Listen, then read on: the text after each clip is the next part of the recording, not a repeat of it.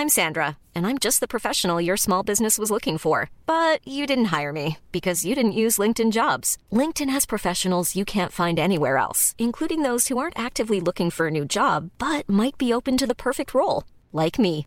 In a given month, over 70% of LinkedIn users don't visit other leading job sites. So if you're not looking on LinkedIn, you'll miss out on great candidates like Sandra. Start hiring professionals like a professional. Post your free job on linkedin.com/people today.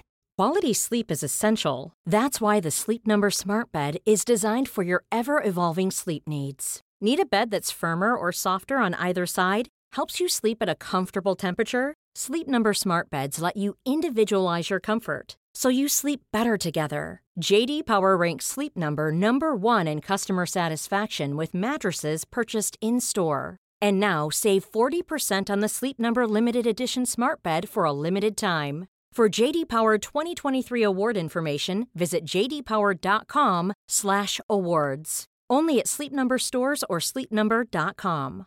Flexibility is great. That's why there's yoga. Flexibility for your insurance coverage is great too. That's why there's United Healthcare Insurance Plans. Underwritten by Golden Rule Insurance Company, United Healthcare Insurance Plans offer flexible, budget friendly coverage for medical, vision, dental, and more. One of these plans may be right for you if you're, say, between jobs, coming off your parents' plan, turning a side hustle into a full hustle, or even missed open enrollment. Want more flexibility? Find out more about United Healthcare Insurance Plans at uh1.com. Hälsomyter, så bemöter du dem. Idag pratar vi om att vara frisk utan flum.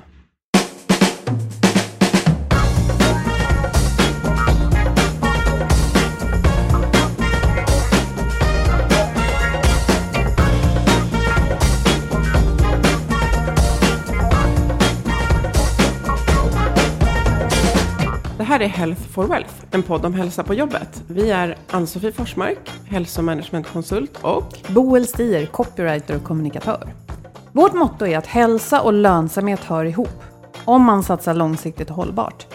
Men hur gör man för att lyckas? Det tar vi reda på i den här podden. Hej och välkomna! Idag ska vi prata om hur man bemöter ja, hälso, kanske kost och träningsmyter som gärna florerar i både lunchrum och runt fikabord. Och reda ut vad som faktiskt är värt att fokusera på. Härligt ska det bli. Men först tillbaka till en av våra stående uppmaningar. Det där med att jobba långsiktigt och hållbart med hälsa. Vi vet ju att många hälsoinsatser på arbetsplatser är tyvärr tillfälliga och involverar inte alla medarbetare. Och ofta handlar det om någon fysisk aktivitet, för det är så lätt att sätta igång med. Och så säger man att vi jobbar med hälsa. Och det stämmer inte helt, tycker vi. Utan i det klassiska fallet så har man varken tagit tag i den organisatoriska hälsan, alltså hur vi bemöter och behandlar och belönar varandra i arbetsvardagen, eller sett till att sätta upp några konkreta mål med, med insatserna. Mm. Och dagens tips från vår partner Twitch Health handlar om att utveckla företagets hälsoarbete och gå från aktivitetsdrivna insatser till målstyrt och strategiskt arbete, långsiktigt alltså. Och precis som i affärsverksamheten i övrigt ökar man sannolikheten att få effekter av sina investeringar om man har en genomarbetad plan. Det här är något vår partner Twitch Health gärna hjälper till med. Från en nulägesanalys till att sätta mål, aktiviteter, ansvar och roller. Mm, och de är grymma på det här. Och eh, också då för att ja, paketera och kommunicera det hela för att det ska bli framgångsrikt. Och det här kan ni läsa mer om på Twitch Healths hemsida. Vi lägger en länk i avsnittstexten, men de finns på twitchhealth.se.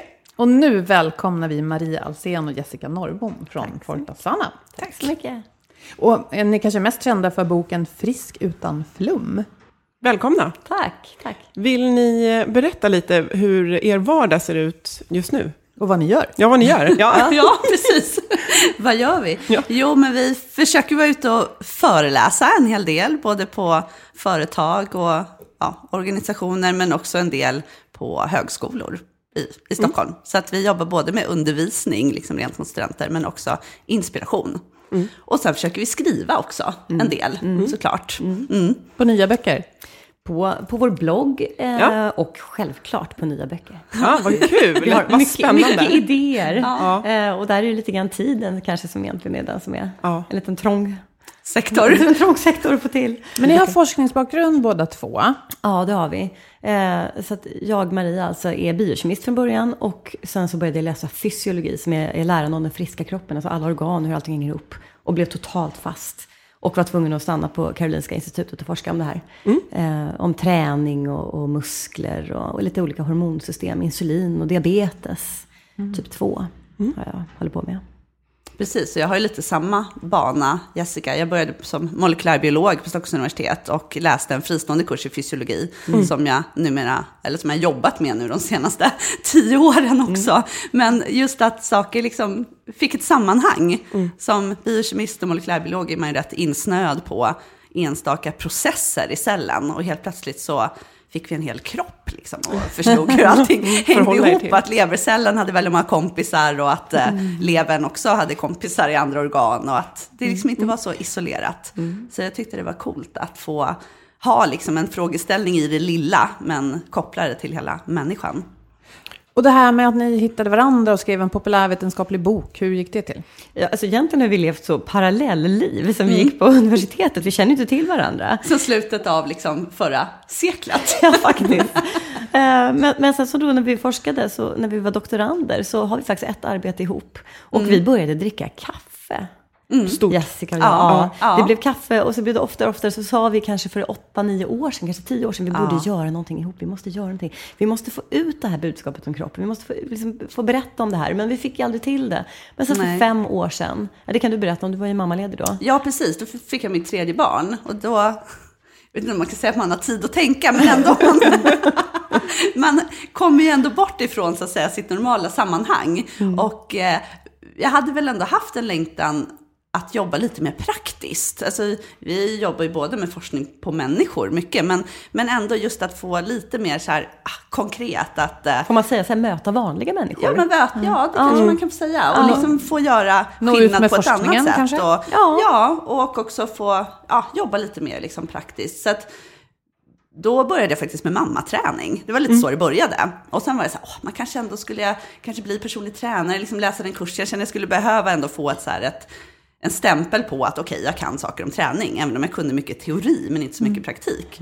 Och då sa Maria så här, äh, men då kör jag liksom kostrådgivarutbildningen. Och så startar vi vårt företag. Över en kaffe bestämde vi det här. Ja, det var Ni så här, ser, kaffe är vi. viktigt. Kaffe är mycket, mycket alltså, viktigt Vi för har druckit oss. så otroligt mycket kaffe Ja, ihop. tänk om man skulle räkna på det. Jag brukade åka förbi Maria ibland på morgnarna på väg till KI när jag skrev min avhandling, för då var man ju ganska stressad. Och då började jag dagarna ofta med en kaffe i Marias soffa. Och så väntade vi liksom på köerna. Ja, och sen drog vi. Och så spånade vi. Nej, men och sen så då för fem år sedan så eh, startade vi vårt företag. Och då höll vi mycket träning. Så att jag har också löpgrupper. Och Jessica har ju både personlig träning och, och mycket mammaträning. Mm. Och sen så började vi föreläsa också. Sen, sen så rätt vad det var en dag så kände vi så här, men nu orkar inte vi höra om de här myterna längre. För det här ser vi på löpsedlar hela tiden. Och med vår forskningsbakgrund och liksom den här biokemi, molekylärbiologibakgrunden så, så bryr man sig inte om när det står att kroppen är försurad. För det här vet, det här vet alla som är inne, inne i den världen att det går inte, det finns inte. Men sen så rätt vad det var så kände vi då att men nu kan vi inte bara gå förbi. Utan nu måste vi göra någonting. För Och nu då- säger du så här, kroppen är försurad, det, det vet vi att det inte... Och i vilka sammanhang eh, dyker det upp på en löpsedel? Är det när man snackar om detox? Ja, det handlar ganska mycket om att vi äter så dåligt så att våra kroppar blir försurade. Det är alltså en myt. En myt. Och det är helt omöjligt. Det, blir, det, det kan inte bli det. Kisset kan bli försurat och det är ett sätt för oss att reglera pH inne i blodet.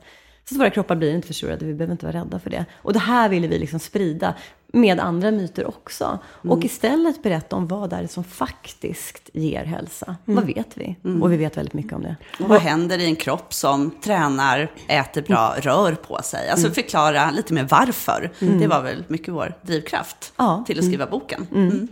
Och den kläckte vi ju, det var ju, jag var på skidresa och du var hemma och bara, nu, jag tänkte vi ska skriva en bok. Ja, okej. Ja, vad ska den handla om? En feberyra.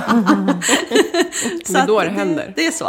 Så vi pitchade idén för ett förlag. Ja. Men då, för då gissar jag att gissningsvis så har ni också, för jag har ju själv jobbat med, med kostrådgivning och träning i 20 år. Och har, alltså, jag har inte alls samma den här akademiska bakgrunden inom det som ni har, även fast jag läst det på universitet också. Men eh, jag har ju också upplevt den här otroliga frustrationen. Och jag är nästan så här, jag, jag typ backar mackar. Jag nästan vill inte sitta i lunch. Alltså jag är så trött också på de här myterna. Och då tänkte Mm. vi att vi skulle försöka beta av de allra vanligaste idag som kommer upp och, och liksom stärka människor i att faktiskt säga, men du, det är, det är okej att äta en macka med lite gluten i och sådär. Men Mm. vad, vad skulle ni säga är de liksom vanligaste? Om vi, tar, om vi tar gluten till exempel och kolhydrater, om vi börjar i det hörnet. För det är det ju ganska mycket prat om. Ja. Många är väldigt rädda för gluten. Eh, därför att man tror att det kommer göra en sjuk och tjock. Mm. Läckande tarm. Läckande tarm och också att det ger övervikt. Eh, stöter man ofta på. Eh, och då är det ju så, då, då väljer man ju att sluta äta gluten. Och mycket riktigt, man går ju ofta ner i vikt av det. Men jag pratade faktiskt med en student om det senast igår. Eh, och då sa jag, men, men och det brukar du och jag prata också. Vad är det man slutar äta när man slutar äta gluten? Jo, det är ju pizza kanske. Det kanske är hamburgare. Och det, det kanske är de här sakerna som ändå inte var så himla bra för oss. Så dra ner på det. Eh, det är inte det att man slutar äta gluten, man slutar också äta kanske väldigt mycket fett. Och i vissa fall också mycket socker. Så mycket energi. Mycket energi. Man drar ner på energin. Ja. Mm. Och då mår många bättre. Ja, Och så ger man det en annan förklaring. Mm. Och det är väl kanske det som man kan störa sig, som jag kanske liksom är mest sådär äh, provocerad av just Mm. nu. Det är kanske liksom förklaringsmodellerna. Mm. Att det är jättebra att äta grönsaker. Det kanske är bra att dra ner på saker som innehåller då mycket så att säga, vitt socker som inte ger någon energi. Men Eller som bara ger energi. Eller, ja, som bara ger energi, som inte ger någon näring skulle jag säga. Men, men just att varför vi ska göra det, Mm. liksom, det är oftast där det dras lite för långt. Och så mållåser man på gluten istället som blir en bov. Och så, ja. Mm. Och gluten är ju bara ett litet protein, som alla andra proteiner. Det kommer vi bryta ner och användas av. Aminosyror i, Och för de flesta va- eh, kroppar så går det jättebra. Ja, har man celiaki så ska man naturligtvis undvika gluten.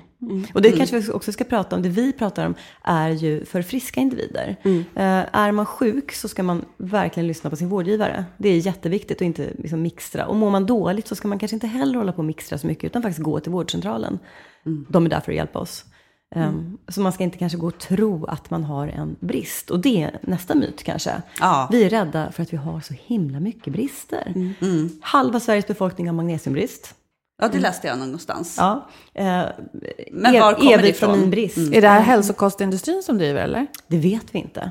Eh, det, det kanske är en, en eh, hälsorädsla, eller snarare sjukdomsrädsla som driver det här. Att man, söker man på det så hittar man väldigt mycket positiva träffar för det här och du får liksom bara mer och mer liksom eld, vad säger man, ved på elden eller vatten på sin kvarn eller vad, vad säger man, vad har man för liknelse för det här? Nej, men det, det, man, man får liksom mer och mer information om att det här kan stämma. Så om man börjar googla på ett problem och liksom vill försöka stötta det med selektiv information, då kan man väldigt lätt bygga ett sånt problem nu. Det tycker jag, med Ja. de här myt, mytfrågeställningarna. Och just det här med vitaminbrister.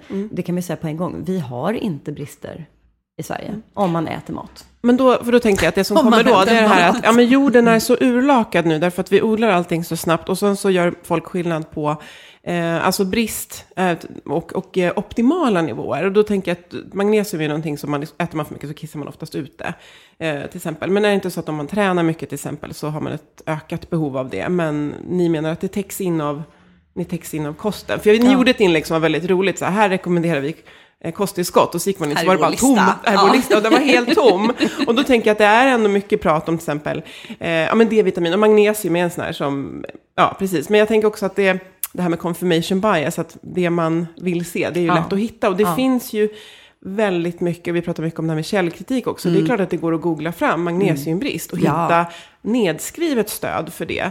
Eh, men hur, hur kan man, jag tänker som vanlig, jag läser ju mycket inne på PubMed och sådär, men hur läser man, nu gör jag citationstecken här, men som vanlig, bara inte liksom kostexpert på något sätt, men om man vill liksom googla upp bevis, vad, vad är vettiga källor att titta på?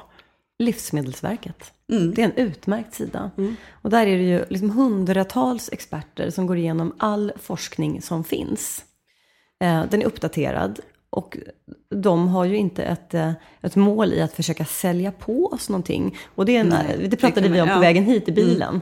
Varningstriangel. På, på rekommendationer som kommer från folk som vill sälja sina egna produkter. Precis. Och just där med att du nämnde D-vitamin och liknande. Det är klart, det kan ju vara någonting som vissa av oss drabbas av här i, liksom, vi bor på nordliga bred- breddgrader. Men det kan man ju ta reda på ifall man har en brist. Och det är väl kanske det att vi gärna vill göra saker lite så här för säkerhets skull. Jag tar den här multivitamintabletten, jag fyller på med D-vitamin och någon nämnde magnesium, men jag tror jag tar det också. Mm. Så jag är liksom på den säkra sidan. Och det är ju både ett ganska dyrt sätt att vara på den säkra sidan, att köpa alla de här pillerna. Men sen kan det ju också påverka, det vet man ju ganska väl nu, till exempel C-vitamin, vanliga brustabletter. Det får vi i oss ganska höga doser. Det hämmar träningssvaret. Alltså det, Så att tränar man då också och tänker jag tar också C-vitamin, då får vi ett dämpat svar på träningen. Då får vi inte samma effekt i våra muskelceller. Och det känns ju också lite onödigt. Så vi kan också få så att säga, den typen av påverkan. Men så lösningen är att äta mat och om man har ont någonstans eller känner en liksom, indikation på brist, gå till läkaren kanske? Ja, om man är Ja. trött och hänger. Ja, det kan man också säga. Järnbrist är ju faktiskt ganska vanligt ändå hos kvinnor som menstruerar. Mm. Vi blir av med blod. Så, så att det, är ju, det, fin, det finns ju faktiskt brister som är vanligare. Och där har vi till exempel järn. Mm. Men gå och kolla det. Så vet man vad det är man behandlar innan man börjar behandla? Ja. Ja, Men det kan ju faktiskt vara någon, någon bakomliggande sjukdom som man inte bör dröja flera månader med att, att hitta. Men jag, jag tänker också en liten reflektion just att när man, om man är, är lite mer i sin kropp, vi är väldigt Mm. mycket i huvudet hela tiden. Och i huvudet, det är snabbt, man googlar upp någonting, köper hem dyra tillskott och tänker att man har, det här jag kallar för fem i fem-hälsan, att man har fem minuter på sig att ta hand om sin hälsa. Och då gör man det lättast genom ett klick. Men att man är lite i kroppen så känner man ju, men gud nu har jag faktiskt varit mycket tröttare än vad jag brukar vara under tre veckor. Och jag känner mig, alltså det är indikationer. Men, men Eh, det, det är inte så ofta vi är i, i kroppen. Alltså vi, vi är så mycket i huvudet och vi, det är lätt att klicka hem saker. Och som sagt, det finns ju en hel... Alltså du kan dra ett bit hårstrå och skicka till USA, säkert till Sverige också, analysera det och du kan gå och ta blodprover och sådär. Så att det finns ju en otrolig marknad som tjänar jättemycket pengar på den här osäkerheten. Och när det går lite fort, då kanske det är svårt att just stanna upp och tänka, men vänta nu, nu är det någon som försöker sälja på mig Ja. eh, kollodialt silver. Snälla, kan ni inte nämna kollodialt silver? Kan ni inte nämna vad det, det vad, vad tycker ni om det? Alltså det har ju det. Alltså, si- silver är ju jätteeffektivt för att döda bakterier. Eh, och det har man ju till exempel om man har en, bå- en segelbåt och har en stor vattentank. Så har man ju i silverjoner som är bakteriedödande. Det kanske man har även i en husbil eller någonting, jag vet inte. Men, men för kroppen så gör detta inte eh, någonting. Ja, men jag såg en Facebook-tråd häromdagen när någon sa, men gud nu är barnen sjuka igen. Och skrev någon så här, ta kollodialt silver. Och jag, jag, jag var på väg in och så kände jag, nej jag, or- jag kommer inte orka följa Nej, nej. Men hörni, jag blir nyfiken på, vad tror ni, det kanske inte hör till det här avsnittet, men va, varför är det så här att alla ifrågasätter så här rådande, inte bara rådande, utan jag tänker forskning är ju he, stel, eh, hela tiden utveck, i utveckling, eller hur? Man Ja, absolut. Och det varandra. får man ju vara liksom ödmjuk inför att det här vet vi idag. Och alltså, att det kan så att säga ändras, eller i alla fall vissa områden, att man inte riktigt vet vilken riktning det ska ta. Mm. Men jag tänker så här, är det inte lite konstigt att man inte kan gå till läkaren och säga jag känner mig inte bra, vad är anledningen, kan du hjälpa mig att ta reda på det? Varför måste vi hitta det på liksom, sajter på nätet? Jag vet att det finns någon slags misstro i vissa kretsar kanske. Ja, Jo, men, och, ja, men- det- tror jag faktiskt verkligen är det att, att hos läkaren får du 12 minuter. Och man vill ofta prata om. Och berätta för någon och få bekräftelse, är det inte det? Ja, man man kanske. behöver liksom få en mänsklig kontakt. Och då får man det faktiskt kanske bättre om man går till hälsokosten. Mm. Än- Eller i någon typ av forum, alltså där man blir väldigt så att säga, bekräftad kanske i det man känner eller hur man mår. Gud vad intressant. Mm, ja men det är, det är Det här är jätteintressant. Det, spekulationer, det är inte vårt Ja, område. vi, Men vi möter ju det här liksom Ja. mycket och man märker det alltså med kunder man träffar att, alltså att kanske ge råd kring kosten eller kring träningen. Det är liksom det lätta i sammanhang. Det är liksom oftast inte där problematiken ligger. Nej. Alltså man kan göra ett träningsprogram, vi kan prata kostråd, men vad är det som gör att man har så att säga, svårt kanske att göra förändringar? Och det är väl mycket nyckeln i det här, om man visste liksom, hur ska vi låsa upp motivationen och få till en förändring? Ja. Million dollar men det är question svårare kanske. att paketera i en burk och sälja på nätet. Så det är lättare att paketera eh, träningsprogrammen och kost. Va, vilka andra stora myter? Jag, jag tänker jag har just- faktiskt en som du, som Ja. du sa Ja. spontant. Ja. Eh, jorden är så utarmad och maten är Ja, så dålig. ja. Mm. För den nämnde du för en stund sedan, jag har suttit och tänkt på den. så får det ur mig. Ja. Eh, det finns ingen dålig mat i affären. Det finns inget giftigt. Det finns inget dåligt. Ehm, om en gröda har vuxit på en, en dålig jord så kommer den grödan ha lite mindre näringsämnen. Har den vuxit på en mer näringsrik jord så kommer den ha lite mer.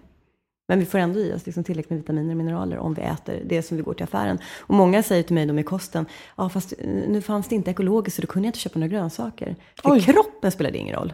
Nej. Det är ju en annan fråga. Om man vill köpa fairtrade, ekologiskt, eh, vad finns det mer?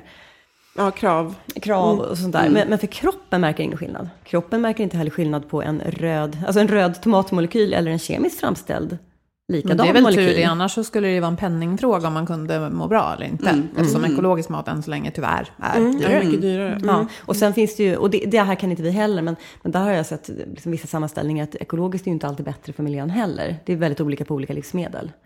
Ja, men jag tänker bara på äpplen. Att, eh, ja, man tänker liksom den stora bilden. Att ska jag importera ett ekologiskt äpple från, som kanske har flugits hit? Eller ska jag köpa det här närodlade eh, Ingrid Marie som, som håller ganska långt in på hösten. Men som självklart då kanske är mer, eh, mer besprutat. Men, ehm, Och just men det där, tänk- för kroppen gör inte liksom någon skillnad. Alltså Nej. det är bara molekyler. Alltså återigen, hur vi hanterar det i kroppen. Ja, Vi behöver få i oss näringen.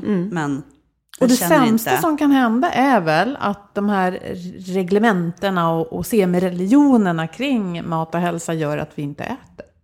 Ja. Jo, men att det blir den här stressen eller hetsen kring också vår hälsa. Som ju egentligen borde vara ah, lite, mer enk- lite enklare.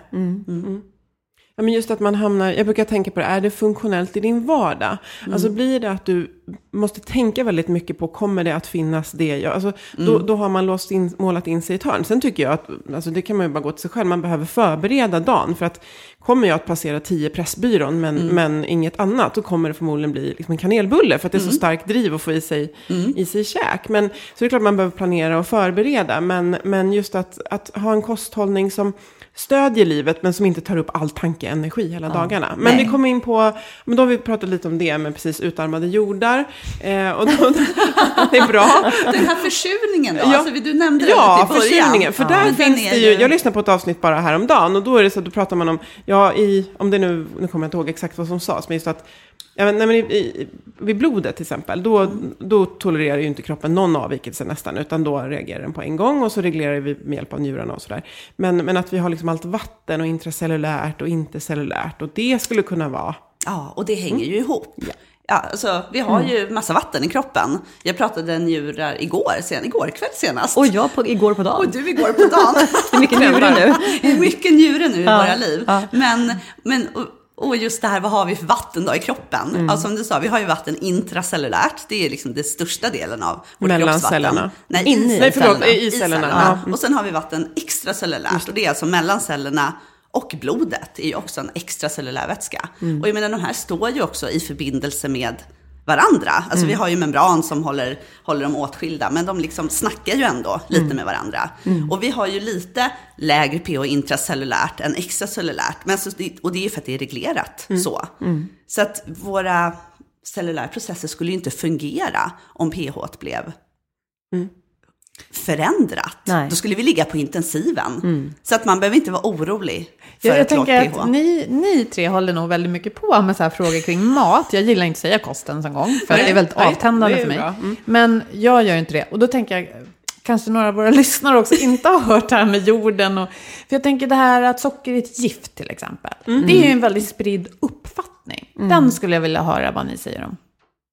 Den, kom, den har vi sagt en gång. Den har vi sagt en gång i tv och då fick vi arga mejl. Vi har aldrig blivit så hatade som när vi sa Nej, att socker inte är gift. Jag vet att det är rätt stor risk att vi för första gången får så här arga mejl när vi sänder det här We're avsnittet. Ja. Ja, men socker är inte ett gift. Sockermolekylen är inte giftig på något sätt. Um, liksom, cyanid är ett gift. Det hade man i koncentrationsläger, här duscharna. Det dör man av. Nervgifter finns. Socker är inte ett gift. Så är det bara. Däremot är socker inte nyttigt. Så tillvida att ehm, det- finns ju, som Jessica sa förut, det finns ju inga vitaminer och mineraler och kostfiber i socker. Det är bara energi. Men om man bränner väldigt mycket energi, om man, om man tränar mycket eller cyklar Tour de France, då är det ju bra att få i sig den här typen av energi. För att den är lättillgänglig, lätt att få i sig, liksom gott. Vi får, vi får ju kickar i hjärnan också. Så att socker är ju alltså både bra och dåligt. Är det inte den här komplexa verklighetsbilden som- som är så svår att hantera? Och så blir det liksom det ena Jo, det eller finns andra inga hela tiden. regler. Men om man vill ge det, liksom, man vill ha en regel. Ja. Man vill säga så här, är socker bra eller dåligt? Liksom, giftigt eller inte giftigt?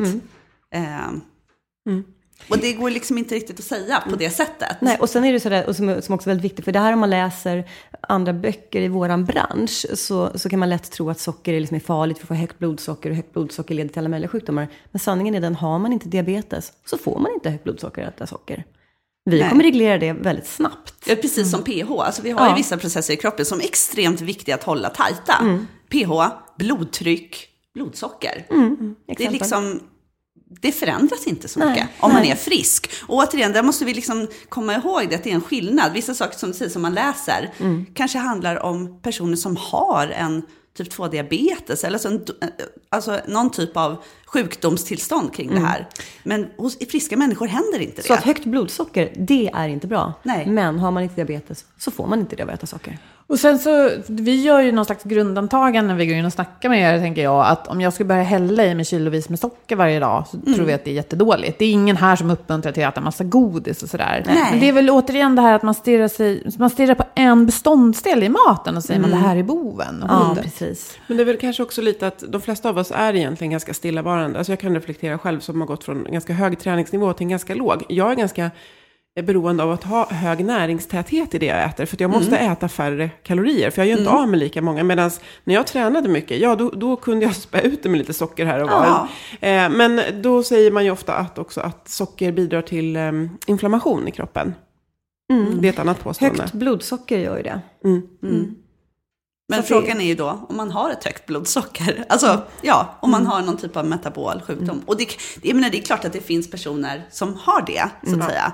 Men jag menar, ett högt fettintag är heller inte bra. Nej. Alltså, ha mycket fett, fett som cirkulerar i blodkärlen är inte heller nyttigt Inte för kärlen. Precis som ha mycket socker. Så att, att bara ge, som du säger, eh, eh, en beståndsdel, liksom skulden, är ju, blir ju lite tokigt. För då blir det som att, okej, vi säger att socker är dåligt.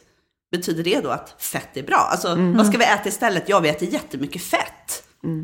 Och det blir konstigt. Men, så det är väl återigen som exemplet där med gluten, att om man slutar äta gluten så åker mycket skräpmat ut på vägen. Och det är väl samma sak med socker. Vill man Precis. reducera socker så tjoff med ja, pizzor och kakor. Och läsk och godis. Det försvinner ju jättemycket saker som vi faktiskt inte behöver. Som är väldigt näringsfattiga och som vi inte Ja. riktigt har citationstecken råd att äta om vi behöver.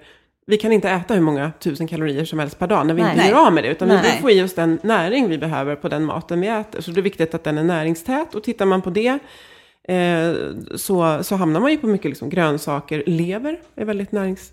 eh, närings eh, det tyckte inte ni om. Nej, jag, bara, jag, jag tänker så här, om man, om man tittar näringstäthet så är det väldigt näringstätt. Säkert jättebra. Ja, säkert Ja, jättebra. men, men eh, ja, kanske inte något som alla, men vi ska alla går igång på. Nej, men vi ska också komma ihåg att sockermolekylen, den kommer byggas om till fett i levern. Eh, Så man blir, ju, man blir ju tjock av att äta socker, det ska vi komma ihåg. Men vi blir också tjocka av att äta fett, som Jessica sa. Men om vi äter mera protein än vi kan ta upp i våra celler, så kommer det också byggas om till fett. Och Så om vi äter mer än vi behöver så blir vi tjocka. Ja, Det är faktiskt enkelt att säga så. Och det är det man vet idag. Eh, Äter man mer än man förbränner, så lagras det som fett. Och vill man gå ner i vikt så kan man göra det på många olika sätt. Och där kanske många väljer att ta bort kolhydrater. För det är ganska lätt att ta bort. Och vi kanske äter liksom lite mycket, mer än vad vi behöver. Om vi ska titta på hur ser en tallriksmodell ut. Och hur mycket så att säga, pasta eller vad det nu är lägger vi på. Så att det är ju så att säga, kanske ett lätt sätt att reglera. Men det går att göra på andra sätt också. Men jag, jag, kan, jag, jag kan tänka mig att man, när, när det börjar komma forskning åt något håll så är man ju Eh, det, det här är vad vi vet nu. Och Livsmedelsverket skulle ju till exempel aldrig ta en studie och säga så här, "Gud, nu, nu, nu, nu måste vi ändra allting. Nej. Utan man väntar Nej. mycket. Men jag kan förstå att människor, i och med Google, i och med, ja, kanske inte vad man nu söker i för sökmotor, men att vi har tillgång till väldigt mycket Ja. gör att man bygger sin egen, ja det är på väg åt det här hållet. Ja. Men man kan i alla fall med trygghet säga att, ja vi vet inte så mycket ännu, men det kan komma lite nya studier. Och tarmfloran, den har jag sett att ni har någon föreläsning snart på, eller hur? För det pratar ni också om, och det är ju vi väldigt ska ju vara med nästa trendigt. vecka, precis, i ett Ja. stort seminarium kring det. Ja. Ja. och det är ju väldigt trendigt. Och det är väl samma sak där, att man... Att det dras ganska stora växlar. Att ja, vi vet att tarmfloran, det verkar vara bra att ha många olika bakterier i sin tarm. Det Eh, verkar vara bra. Det verkar vara bra. Men man kan inte ens säga så här, de här bakterierna, alltså den här uppsättningen, det är den perfekta tarmfloran. Det finns inte. Nej. Och våra tarmfloror skiljer sig antagligen åt. Och vi mår förhoppningsvis ändå ganska bra. Eh, så att de gillar, verkar gilla frukt och grönt. De gillar mycket färger, alltså för de gillar många olika saker. Och de verkar gilla fibrer. Gillar de också så här eh, syrade produkter? Jag gör en koppling där som helt okunnig lekman. Stämmer det eller inte så? Ja, det pratas ju ganska mycket om det. Ehm, att, att det liksom tillför bakterier. Men, men det har ju inte visat sig så himla mycket Frågan ännu. är vad som händer med de stackars bakterierna i magsäcken, där det är extremt surt. Ja, man vet ju inte riktigt. Och lik, så, att, mm, så att återigen, ja, det, det är liksom superbra att äta mycket grönsaker och, Och det frukt visste vi redan och innan. fibrer. Lustigt nog Ja, visste vi det. precis. Oj, vad vi går i cirklar liksom. Ja. Ja. Från samma Så resultat. att det är väl Ja. det här att man kanske drar det liksom ett steg Ja. längre. Men fråga då, därför att eh, probiotikatillskott till exempel, alltså som är, tar- ja, eh, och som sagt magsäcken är ju väldigt sur för den ska ju döda allt farligt så att det inte kommer ner i tarmarna. Eh, de kostar väldigt mycket pengar eh, och det är, jag kan gissa att om man tittar på försäljningen av dem så har det bara gått spikrakt uppåt. Hur ska man ta sådana? Nej. Nej. Det För här spar ni peng, senaste- folk pengar om Ja, de det senaste jag budskapet. läste var Ja. att, att man har inte sett några hälsoeffekter med, prebiot med prebiotika. Nej. Och där är väl liksom tanken är ju att vi då vill tillföra bakterier så att, ja, antagligen kommer de inte stanna kvar. Det är ju det, man Nej. kanske tillför dem precis just då om de lyckas komma ner i tarmen. Sen kan det ju vara så att man, eh, om man har någon typ av Ja, min son drabbades av salmonella i höstas och blev liksom ganska risig. Och då fick jag rådet av en tarmdoktor som var så här, ja, du kan köpa de här, köp på liksom, apoteket, mjölksyrade bakterier, eller vad de heter. Heter de mjölksyrade bakterier? Ja. Eh, köp som jättemånga stammar. Det verkar i alla fall inte vara farligt. Men det, och det kanske Typ, det kan, kan stötta upp om man har liksom en problematik. Liksom, Men, återigen, vi kan inte säga att det blir så, men det kanske kan hjälpa Och det lite. kanske hjälper dig, det kanske inte hjälper dig, det kanske Ja. hjälper dig men inte mig. Alltså, Alltså, Vi vet inte. vi vet inte. Det, vi vet inte, men har vi liksom, äter vi varje, det verkar bästa vara att vi äter varierat. Det är liksom det vi kan ge våra tarmbakterier. och vi ska inte glömma heller att de verkar gilla träning. De verkar gilla Ja, träning. eller hur? Precis. Ja, de verkar gilla Mm. rörelse. Mm. Så att det är inte bara, vi måste liksom ha alla bitar. Vi kan inte äta optimalt och strunta i rörelse. Eller tvärtom. Liksom. Mm. Så om vi skulle skicka med, vad ska vi fokusera på? Liksom för att ta hand om, om, om kroppen och, och maten, vad ska vi fokusera på? Med, med eh, hela, hela paketet? Ja, ja. all in. Då, Hela paketet. hela paketet, då tänker jag att om vi börjar med att, eh, att vi inte ska sitta så mycket stilla på dagarna. Ja, mm. precis. Att bryta stillasittandet Ja. relativt ofta. Gärna ett par gånger i timmen. Vi ska gå ungefär 10 000, eller motsvarande rörelse som, som motsvarar 10 000 steg per dag. Det finns mycket Och forskning då som behöver visar. vi bryta stillasittandet. Det är väl mycket det, det här med stegen. Liksom. Att vi, Ska vi få ihop typ 10 000, då kan vi inte sitta still Nej. timmar. Mm. Nej, då får man ställa, buss, eh, ställa bilen och ta bussen eller ha en promenad på lunchen eller Ja. någonting. Och gärna det här att bryta stillasittandet ofta. Mer då? Vad ska vi? Ehm, vi ska bli svettiga 150 minuter i veckan. Vi ska Mm. träna. Och vi och en ska ta i. Mm. Därför att, att promenera räknas inte som träning. Har man inte svettats då är, Nej. det, då är det för lite. För de allra flesta så är det faktiskt på vardagsrörelsen och inte träningen. ja. Eh, och gärna kombinera med styrka så att man får liksom en ökad muskelmassa också. Och sen som det, vad gäller kosten så har vi faktiskt några saker vi vet. Och det är ju att minska på det röda köttet. Och charken framförallt. Det vet vi är cancerframkallande. Eh, varför det är det är ju inte lika känt. Det, men det här står på WHOs cancerorgans lista. Det är inget snack. Och när vi ändå pratar om cancer så kan man säga så här, rök inte. Det, den är ju också. Men, men den handlar ju inte om kost och träning. Men, men, men det, kan man, det är svårt att inte nämna rökning i sammanhanget. Nej, i livsstil liksom. Och sen så är det ju det här att äta mycket frukt och grönt. Vi rekommenderas ju 500 gram om dagen. Man kan Ja. ta fram en liten våg, mäta upp hur mycket det är faktiskt. Det är mycket. Det är ganska mycket. Mm. Och varierat. Och varierat. Varierat. Färgglatt. Färgglatt och varierat. Färgglatt och äta fisk ibland och, och liksom kombinera ihop lite olika saker. Så mycket man kan. Det är väl det man kan Men inte vara på. så rädd liksom. Det är mycket jag skulle vilja fråga lite djupare om. Jag, vill bara, jag lyfte en, de här 10 000 stegen. De ehm, är väl också så här, vad kommer egentligen just de här 10 000 ifrån? Och räcker verkligen det? Eller hur, hur, är de, hur, hur ser ni på hur de är satta? Just. Ja, det är ju liksom den eviga frågan. Och just när det gäller liksom stegen så finns det ju inte... samma typ av så att säga, forskningstyngd som om man säger de här 30 minuter om dagen. Det kommer ju från att man... Ja, du menar 150 svettiga minuter i veckan? 150 minuter svettiga. 150 svettiga minuter i veckan, eller 30 minuter per dag säger man ibland. Det kommer ju från att man har sett i många och stora studier att den ungefärliga mängden minskar risken att dö i förtid eller drabbas av livsstilssjukdomar med ungefär 20 procent. Det låter väldigt så här bla bla bla. Men ändå, det är liksom därifrån det kommer. Gör vi ungefär så här, så på, på gruppnivå, så minskar vi risken att dö i förtid. Och det finns inte lika tydligt, liksom just 10 000 steg. Men, och där börjar man väl kanske mer säga just det här minska stillasittandet. Men då vill man oftast ha en liten riktlinje att gå till. Och där har hamnat det här 10 000. Men det finns ju lite olika siffror. Men just att är vi inte stillasittande så långa stunder så kommer vi liksom, det kan vara bra att ha något att hålla sig till.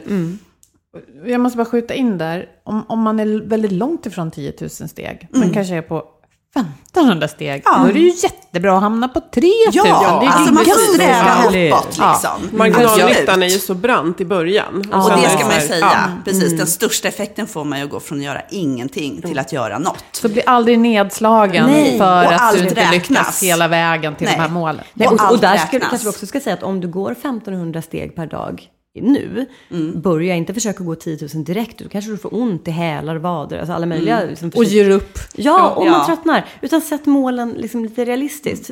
Sträva efter en förbättring. Och vi träffade ju någon, eller vet inte om det var du som berättade om det, som man träffade någon som sa, hade varit på gymmet och Just det. träffade en PT som sa att om du inte kan komma hit tre gånger i veckan, då är det ingen idé att du kommer. Nej, men. Och då känner man också så här, nej, nej, nej, nej, nej. Alltså, allt räknas. Kan du träna en gång i veckan, träna en gång i veckan. Och vi vet att liksom, ett träningspass har effekt på blodtryck och blodsocker. Alltså det är super, super bra. Så Båda att allting verkligen räknas. Och han, blev man avbruten efter sju minuter så var det ändå värt det. Ja, ja. men precis. Ja. Så att vi vill liksom inte, nej, verkligen uppmuntra all typ Jag av skulle rörelse. gissa att de flesta människor inte kör ett rejält gympass i veckan. Jag bara gissar. Så då är ju, o- om det är så. Ja. Och om det då känns som att tröskeln är så förbaskat hög, för att ja, men jag måste ju ändå upp i det där.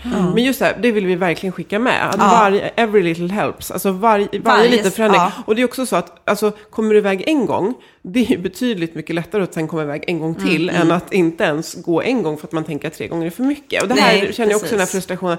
Ja, men jag kommer ändå aldrig få till mindfulness, så att jag struntar i att bara blunda och andas en minut. Andas en minut, det kanske gör sån enorm skillnad på din dag. Och just det här, ja men frukt och grönt. Ja, och, precis, och det är samma Ja. med kosten. Lägg Och till. älskar man det röda köttet, men försök att bara ta ett, ett liksom lite, lite mindre då. Satsa på den här superhärliga, liksom, dyra, fina och biffen lägg, en gång i lägg veckan. på en, en morot om det är allt man orkar göra. Det är bättre än att inte äta moroten. Ja, precis. För många kan bli väldigt arga som älskar sitt röda kött och sådär. Ja. Man, det handlar inte om att bara... Nej. Nej, och det är väl det. Det finns ju så otroligt mycket känslor kring mat. Och det är Ja. därför som det är väldigt svårt att prata med människor om mat. Men, att, men vi får ju utgå ifrån liksom, vad, vad vet vi idag? Och sen får man ju göra man som som man vill. vill. Ja. Men om man känner att det liksom är en stress och en hets kring allt man måste göra, så kanske man kan försöka dämpa det lite. Att inte göra det så svårt. Men jag tänker just att stötta folk i det här som vi kommer tillbaka till. Att, att just bemöta när folk påstår saker som man Mm. känner i magen inte stämmer. Så kan man just hämta. Och jag håller med. Alltså det, är ju, det är ju ingen som tjänar pengar på om, om vi skulle liksom sluta sälja liksom alla eh, kost, kostreligioner. Och alla skulle bara läsa på Livsmedelsverkets hemsida. Men det, står, det, är inte, det, är inte, det är inte farligt att följa det. Du träffar förmodligen ganska rätt om du följer det. Och de uppdaterar sina råd eh, allt eftersom. Men det är, det är, bara, det är så osexigt. liksom. Det är väldigt det är inte alls, osexigt. Det är roligare att äta efter sin blodgrupp. Köpa en bok på det. Precis, men vi hade ju en deltagare som vi följde när vi skrev vår bok, så hade vi ett, ett gäng. Och då myntade eh, de, eh, istället för tallriksmodellen så kallar vi den numera för the sexy plate Ja, model. ja. klockrent. Ja. Ja. Det kan man säga, jag äter en lite sexy plate model. Ja, den hjälper mot allt. Ja. Jag, jag tar till mig att, för jag gillar inte regler kring mat överhuvudtaget. Men jag tänker så här, in med grönt, in med frukt och, och grejer, sen gör jag vad jag vill. Ja. Mm, och jag gillar inte heller regler, utan just så här, lägg till, tänk positivt. Ja. Eh, få till, minska stillasittandet. Om vi vänder det till något positivt, så rör på dig så mycket du kan där du kan. Och förstå Ja. att varje liten förändring Räknas. Jättekul att ha er här. Jag tror vi hade kunnat prata vidare. Ja. Vi får önska er lycka till med. Jättespännande att se vad nästa bok då ska handla om och Ja, vad ni har för er framöver. Ja, Ja. Frisk utan skum, kanske granska lite knassaker ute i handeln. Skumtomtarna får, får liksom de får ni inte ta bort, Nej, de får. Nej, de får vara kvar. Ja, nej. Tack för att vi fick komma. Ja, tack. Tack. Vi tackar så mycket för oss. Tack för att du lyssnade. Eh, hoppas att ni vill prata med oss på Facebook, LinkedIn och på vår hemsida healthforwealth.se. Och vi tackar våra samarbetspartners Skandia och Twitch Health och förstås Agda Media för den här produktionen. Dela gärna våra avsnitt i sociala medier, kommentera. Jag gissar att det här avsnittet kan väcka tankar. Och så ses Be vi nästa kind, gång. lyssna på Ja, varandra, var var varandra. respektfulla. Ha det bra! Hej då.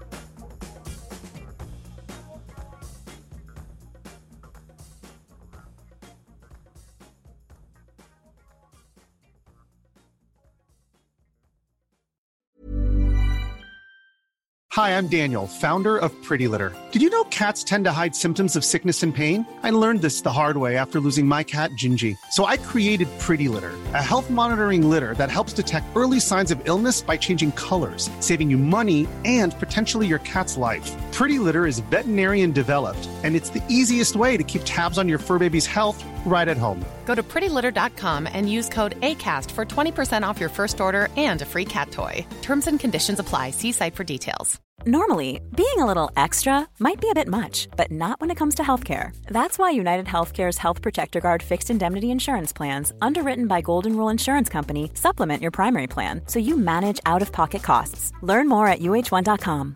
Imagine the softest sheets you've ever felt. Now imagine them getting even softer over time. That's what you'll feel with Bowl and Branch's organic cotton sheets. In a recent customer survey, 96% replied that Bowl and Branch sheets get softer with every wash. Start getting your best night's sleep in these sheets that get softer and softer for years to come. Try their sheets with a 30-night guarantee. Plus, get 15% off your first order at bowlandbranch.com. Code BUTTERY. Exclusions apply. See site for details.